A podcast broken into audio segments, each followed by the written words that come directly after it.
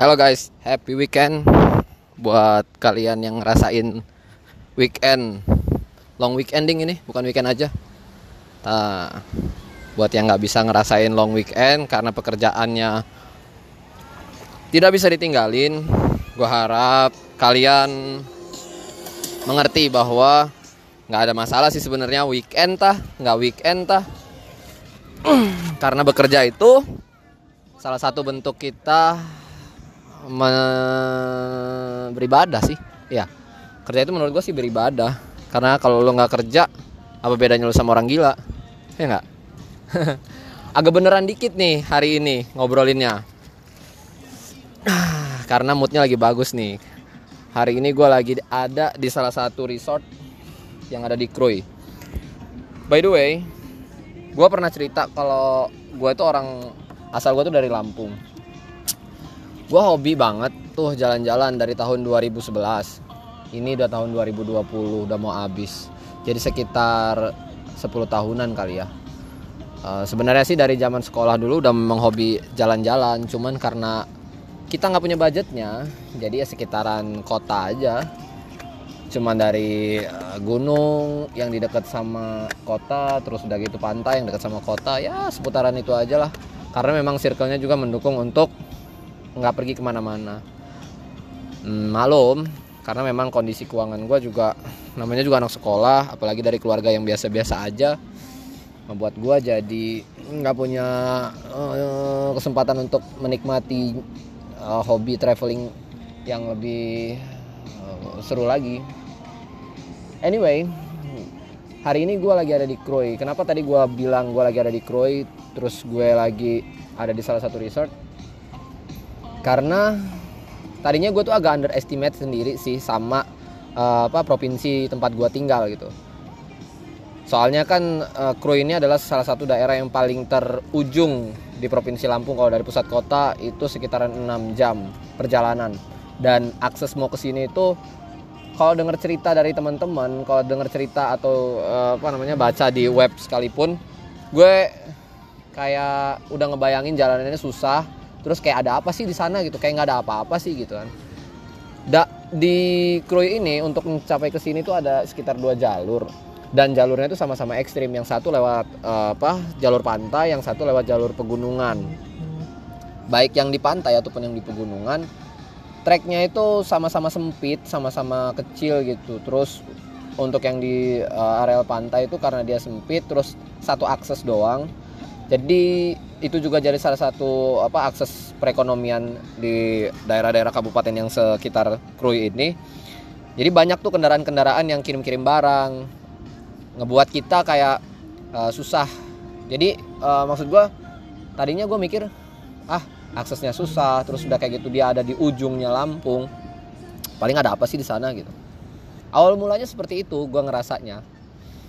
Terus yang satu lagi aksesnya lewat atas lewat gunung. Lewat gunung gue sering denger tuh dari teman-teman kerja gue bilang kalau mereka ketika lagi kerja terus turun hujan itu nggak bisa akses ke Krui karena risikonya tinggi. Longsor banjir banjirnya banjir ini loh apa air hujan itu dari gunung turun ke bawah itu bisa makan jalan kayak gitu. Karena banjir terus udah kayak gitu kontur tanahnya juga dia apa ya dia nggak nggak berapa keras jadi lebih sering longsor kayak gitu. Jadi rawan banget lah. Nah gara-gara itu jadi uh, apa minat gue untuk datang ke sini tuh kayak berkurang gitu. Karena gue pikir aduh udah aksesnya susah terus udah kayak gitu. Di sana di daerah yang paling ujung di Lampung gue sendiri di kota Bandar Lampung tinggalnya gue ngerasa di sekitaran tempat gue tinggal aja itu untuk pariwisatanya kayak yang biasa-biasa aja sih bagus cuman kalau untuk kita yang tinggal di sana kayak yang udah biasa lah kayak gitu. Nggak nggak nggak nggak seperti di Bandung atau di Jogja atau di Bali kayak gitu. Ternyata surprisingly gue seneng banget bisa datang ke Krui. Dan gue nyesel sih baru bisa sekarang ke Krui gitu. Gue ngerasa beda banget gitu di sini.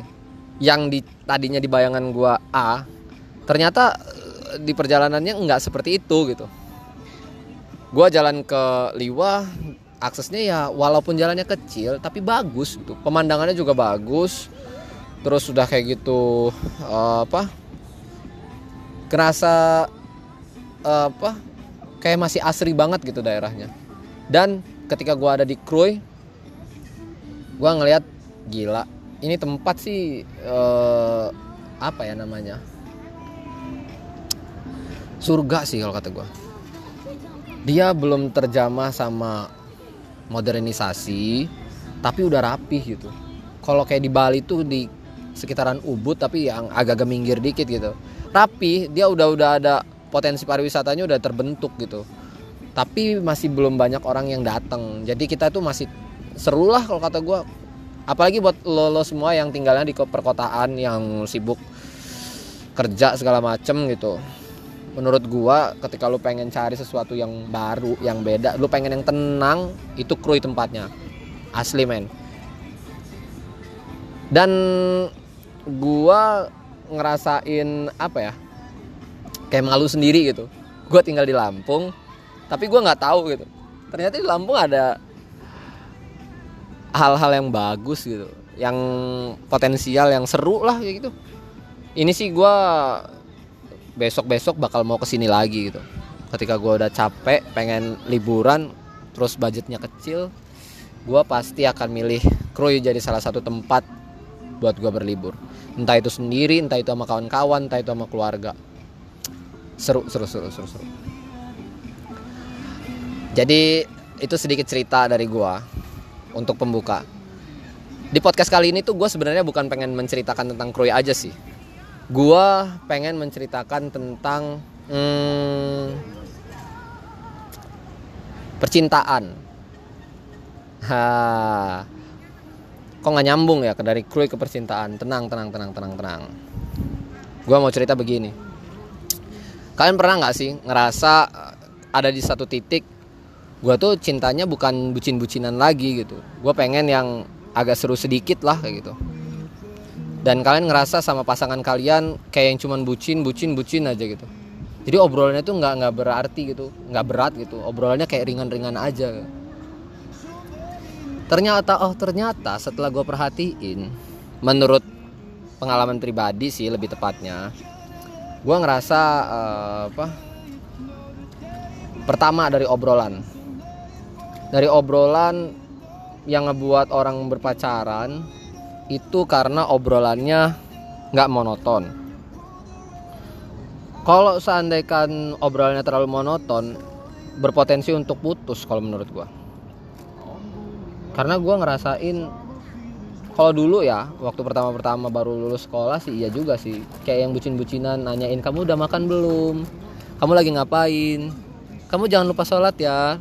Kamu jangan lupa makan ya itu masih seru-seru aja sih kayak yang oh dia perhatian gitu kan. Tapi ketika udah 10 tahun lulus kayak sekarang ini udah kerja gitu kayaknya agak aneh gitu loh. Kalau makan aja masih ditanya kalau lagi ngapain aja mesti ditanya gitu. Kalau sesekali sih nggak masalah kayak misalkan penasaran karena lu udah lama nggak ketemu gitu. Lu lagi ngapain sih? Kok sibuk banget? Kayak gitu. Kayak gue mau chat sama lu kayak bingung gitu kan. Ya nggak apa-apa mau buka obrolan. Tapi kalau udah tiap hari ngechat lu ditanyain lagi ngapain udah makan belum lu udah sholat apa belum nggak nggak nggak. Sorry sorry sorry sorry. Malaikat aja nggak kayak gitu loh. Malaikat tuh cuma nyatet tapi nggak pernah nanya dan nggak pernah negor. Ya kan? Jadi kayak yang itu tuh hal yang biasa gue lakuin tapi kayak asing gitu di mata lo. Gitu nggak sih menurut gue menurut gue menurut gue menurut gue gue nggak tahu sih. Kalau misalkan ada perbedaan pendapat nih buat kamu orang yang ngedengerin uh, honestly uh, gue minta maaf. Ini cuman pendapat gue pribadi gitu. Itu yang pertama. Menurut gue kenapa orang bisa berpacaran itu karena obrolannya menarik. Memang sebelum obrolan itu menarik gue nggak mau munafik lah. Setiap orang mau cewek mau cowok pasti melihat fisik dulu. Jadi ketertarikan kita dengan seseorang itu memang ditunjang dari uh, kita seneng nggak sih sama fisiknya bukan cantik atau enggaknya ya tapi suka atau tidak dengan fisiknya. Kayak gue nih misal gue ngeliat mau di Ayunda. Tuh gue demen tuh. Tapi gue bingung kalau seandainya bener-bener ada mau di Ayunda di depan gue apa bahan yang mau gue obrolin? Mungkin nanti mau di Ayunda ngelihat gue kayak yang ah bosen dah ini anak nggak nggak nggak nggak tipe gue lah kayak gitu. Atau mungkin kayak uh, eh, gue ngelihat Luna Maya ya gue demen gitu tapi mungkin Luna Maya ngeliat gue kagak demen gitu. Ya kayak gitulah pe- penggambaran dari uh, fisik. Terus udah kayak gitu lanjut kedua adalah di obrolan. Gue beberapa kali pernah kenal sama cewek gitu. Tapi gue bukan mengatakan bahwa si perempuan ini nggak gue sukai ya atau gue egois gitu dengan uh, pandangan gue doang. Tapi gue mau ngobrolin gitu keresahan gue tentang pacaran ini gitu awalnya ketika pertama kali gue ketemu itu gue seneng gitu ngeliat mukanya. Terus dari cara dia berbicara bercanda itu gue kayak yang anak ini kayaknya seru loh kalau mau diajak berteman. Apalagi kalau misalkan dia suka sama gue kayak gitu. Tapi setelah kita chatting itu dia nggak suka dengan cara uh, obrolan yang nggak format gitu. Nggak terformat kayak gitu maksudnya. Jadi kalau pagi nggak ditanyain ini dia nggak suka. Kalau kita nggak kirim aktivitas kita, kita ke dia dia kayak agak uh, apa ngejaga obrolan sama kita juga gitu. Lama-lama lama-lama lama-lama kayak yang pandangan pertama atau penilaian kita tentang fisik itu jadi berubah gitu. Jadi cuman kayak oh ya nih nih anak cakep gitu doang. Nggak nggak lebih dari itu. Terus gue berpendapat nggak juga sih. Kalau seandainya cakep itu jadi tujuan utama dari obrolan nggak nyambung nggak seru juga. Masa mau pacaran nanyanya itu itu mulu? Sampai terakhir gue bilang gitu sama dia. Gimana kalau seandainya kita buat obrolannya lebih berbobot gitu. Boleh nggak? Kayak gitu kan. Gue menawarkan diri. Uh, boleh nggak kalau seandainya gue ajak lu ngobrol? Terserah deh ngobrolnya apa aja tapi biar nggak bosen gitu nggak nanya itu itu aja nggak bucin bucinan doang kayak gitu. Nggak gombal gombalan aja kayak gitu kan. Karena semakin ke sini semakin uh, apa namanya pikiran kita lebih banyak yang dipikirin. Kayak yang ngobrolin itu tuh nggak bisa gitu jadi pokok utama gitu. Dan gue pengen gitu hubungannya bisa sehat gitu. Berteman berpacaran itu menghasilkan value yang baik gitu. Menghasilkan habit yang bagus juga bisa jadi teman sharing gitu. Nah jadi menurut gue yang pertama itu dari obrolan. Kenapa orang bisa berpacaran gitu. selanjutnya ketika dari obrolan udah nyambung ada hal lain yang membuat orang itu bisa berpacaran lama hal lain yang uh, apa muncul setelah obrolan itu hadir adalah sikap. Jadi memang gue memperhatikan ada beberapa orang yang gue kenal kayak gitu. Maksudnya gue deketin ya pengalaman pribadi gue. Sikapnya bagus. Gue seneng. Tapi ada juga yang secara obrolan menarik gitu. Tapi sikapnya nggak bagus men. Kayak misal contoh, ini ini bukan di pengalaman gue ya, tapi peng, pem, apa bayangannya seperti ini. Lu ketemu cewek nih ceweknya cakep sesuai dengan uh, apa ekspektasi lu secara obrolan kayak gitu. Menarik. Sefrekuensi. Nah kayak gitu. Ternyata ketika kita ketemu sikap dia tuh nggak semenarik itu gitu. kayak seandainya kayak, kayak misalkan gini kita kita jalan terus makan gitu dia asik dengan handphonenya dia pinter tapi lu tuh nggak menarik buat dia. Menurut gua kayak gitu. Kenapa? Ya kalau cuma mau handphonean aja nggak usah jalan. Itu salah satu sikap sih kalau kata gue terus kayak misalkan gini. Dia lagi ngobrol sama kita gitu. Ternyata dia itu karena memang punya circle yang luas gitu. dia punya teman yang banyak lah kayak gitu ketemu sama temennya di jalan ketemu sama temennya di ketemu sama temennya di itu dia itu tiba-tiba kayak hilang fokus sama sama apa aktivitas dia sama kita gitu bahwa saat itu dia lagi sama kita tapi dia sering kayak negor temennya manggil temennya apa apa apa kayak gitu. Menurut gue kayak yang ya sebenarnya standar standar aja gitu nggak usah terlalu lebay nggak usah terlalu heboh juga kayak gitu kan. Ketika lu lu bayangin deh lu jalan nih sama seseorang gitu kan. Entah e, ibaratnya kalau misalkan cewek sama cowok lah kayak gitu. Yang biasanya banyak temennya kan cowok tuh. Lu lagi jalan sama cowok nih. Eh tiba-tiba di kafe atau di tempat makan gitu dia ada kawannya eh bro segala macam kayak gitu terus baru duduk lagi udah ngomong eh itu kawan gua ntar ya ini, ini, ini. terus udah gitu duduk lagi terus dia ada temen yang nyamperin weh. Akhirnya ngobrol kayak gitu. Aneh nggak sih kalau gua sih ngerasanya aneh. Menurut gua ya apa ya? Ini sebenarnya mau pamer mau ngasih tahu kalau dia punya kualitas punya jaringan yang luas gitu. Emang dia provider gitu. Ketemu ini connect ketemu itu connect gitu. Kayak wifi gitu jadi seolah-olah oh dia wifi nya gitu kan. Terus ada orang uh, apa ada handphone atau gadget gitu kan. Nyambung ke dia connect. Nyambung ke dia connect.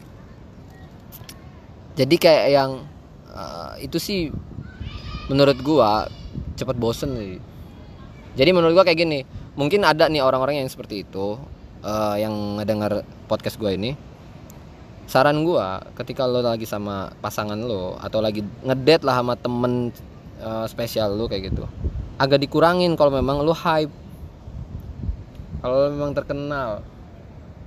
Jadi bisa menjaga privasi lo sama dia lah gitu. Atau cari tempat yang memang nggak nggak berdekatan sama circle lo jadi penilaian gue kayak gitu. Sikapnya. Atau mungkin kayak gini uh, ketika dia baru kenal sama kita ngajak jalan di luar gitu. Oke. Terus nggak lama yang kedua kali dia udah minta diajakin ke rumah atau dia minta kita jemput dia ke rumah. Menurut gue sih kalau kayak gitu kurang tepat ya. Karena prosesnya itu udah jauh banget kayak gitu. Ya buat lo lo yang pada punya prinsip bahwa berpacaran tuh orang tua harus kenal orang tua harus apa harus apa segala macem boleh boleh aja.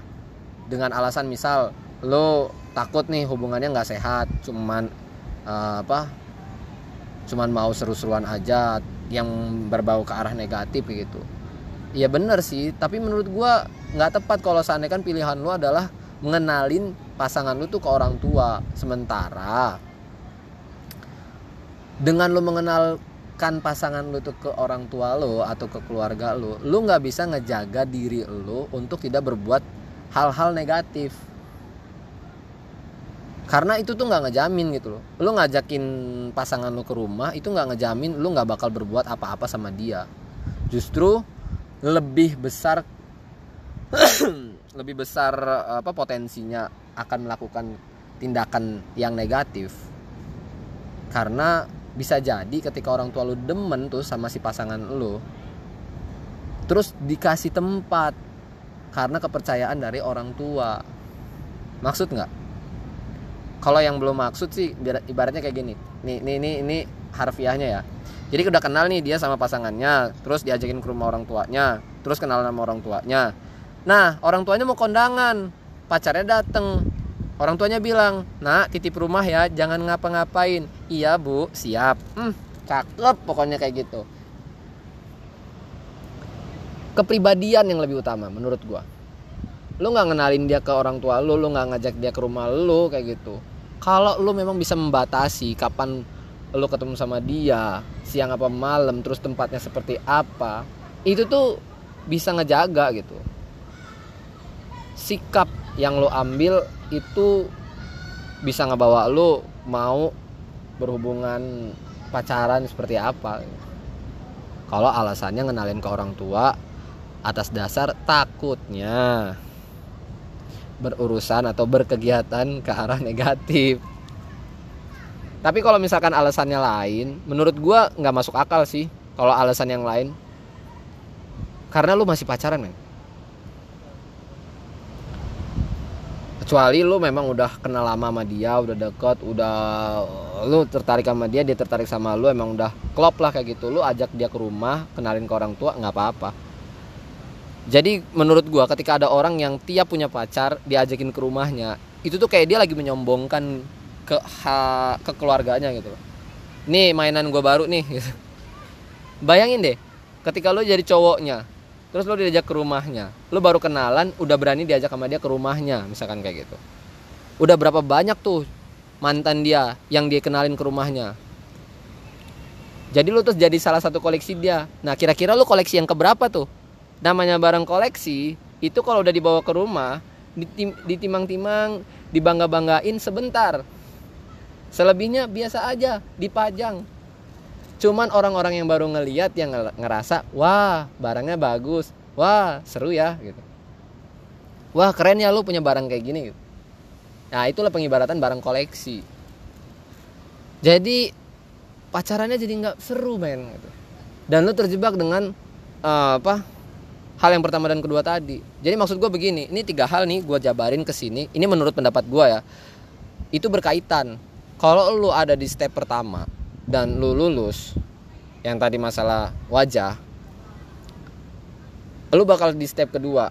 Tapi kalau di step 2 lu nggak lulus, lu nggak bakal ngerasa nih uh, maksudnya dari obrolan itu tadi lu udah ngerasa udahlah nggak apa-apa obrolannya bucin-bucinan aja atau yang uh, apa kegiatan-kegiatan kayak gitu ditanyain gue masih mau jawab kayak gitu. Bercandaan-bercandaan yang gak jelas itu gue masih gue mau ladenin. Gue ngerasa itu adalah hal yang paling penting. Yang penting kita komunikasi yang penting kita ngobrol yang penting kita seru-seruan bareng. Udah ngerasa kayak gitu lu nggak bakalan sadar kalau lu jadi bahan koleksi buat si pasangan lu gitu. Kalau udah stepnya naik ke situ lu bakalan mikir oh ini anak ngobrolnya seru. Lu ketemu lu jalan gitu dia nggak seru tapi lu ngerasa ya biasa aja nggak apa-apa. Gue cinta kok sama dia udah cinta mati lu udah cinta buta lah kayak gitu. Ya tetap aja lu tetap bakal jadi barang koleksi gitu. Jadi menurut gue berpacaran yang paling bagus itu adalah ketika lu bisa naik step by stepnya nanti lu bakal ketemu tuh di ujung. Oh ini nih pacar gue ini kayaknya gue bisa deh. Bertahan sama dia karena uh, dia berkualitas gitu jadi apa namanya yang ngerasa ini kayaknya jodoh gue gitu. Kalau menurut gue pribadi sih seperti itu. Nah ketika gue ketemu sama yang karakter-karakter seperti ini gue nggak mengunderestimate dia gue mau temenan sama dia gitu. Gue menghargai bentuk uh, apa namanya karakter dia gitu. Gue nggak masalah. Ya itu hak-hak dia gitu. Dan buat kalian yang punya kebiasaan seperti itu gue nggak meminta kalian untuk berubah seperti apa yang gue bayangin gitu. Gue hanya men-share keresahan gue dengan uh, pengalaman beberapa kali gue ketemu sama perempuan yang gue rasain seperti itu gitu. Karena uh, keresahan itu menurut gue penting gue pengen sih share gitu ke kalian. Mungkin kalian ngerasain keresahan yang sama sama gue ngerasa seide ya menurut gue sih kita bisa ketemu juga sama orang-orang yang seperti apa yang kita harapkan ini. Cuman memang prosesnya nggak cepet. Kalau saran gue sih ketika lo pengen gitu dapat orang yang seperti itu ya kekurangan-kekurangan sedikit dari pasangan lo seperti karakter-karakter yang tadi misalkan salah satu dari tiga itu ada di karakter dia ya lo bisa uh, bernegosiasi lah sama dia untuk part-part mana yang jadi bagian lo dia ikutin apa yang lo mau dan part-part mana yang lo ikhlas nerima oh ya memang sifat dia kayak gini ya udah nggak apa-apa gitu. Terkecuali tiga-tiganya udah nggak masuk sama apa yang lo harapin gitu. Menurut gua jangan men. Mendingan dari awal lo udah cut aja. Jangan memaksakan diri cuman karena rupa jangan memaksakan diri cuman karena uh, apa lamanya hubungan atau jangan memaksakan diri cuman karena lu sudah melakukan hal negatif sama dia gitu. Karena apa? Karena menurut gua kita bicarakan hal negatif ini contoh seks atau uh, minuman keras lah atau drugs lah gitu. Menurut gua hal-hal negatif itu pure karena dasar keinginan lu bukan karena dasar hubungan. Nggak ada sangkut pautnya tuh. Buktinya ada tuh orang yang pacaran lama tapi nggak ngapa-ngapain nggak ngedrugs juga nggak diajak clubbing juga nggak diajak food juga gitu. Ya kan? Jadi itu pure atas dasar nafsu lu kalau lu bisa ngontrol nafsu lu ya lu bakal bisa berhubungan sehat gitu.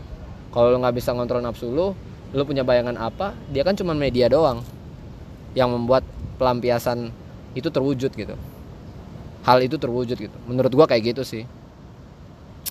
To be honest gua sekarang nyampein keresahan ini karena gue pengen juga dapetin apa yang ada di bayangan gue mudah-mudahan dengan gue nge-share pengalaman yang baik ini gitu pendapat yang bagus menurut versi gue ini itu banyak yang berdoa supaya ini bisa lebih banyak yang ngedengerin supaya ini bisa banyak yang uh, apa namanya suka gitu.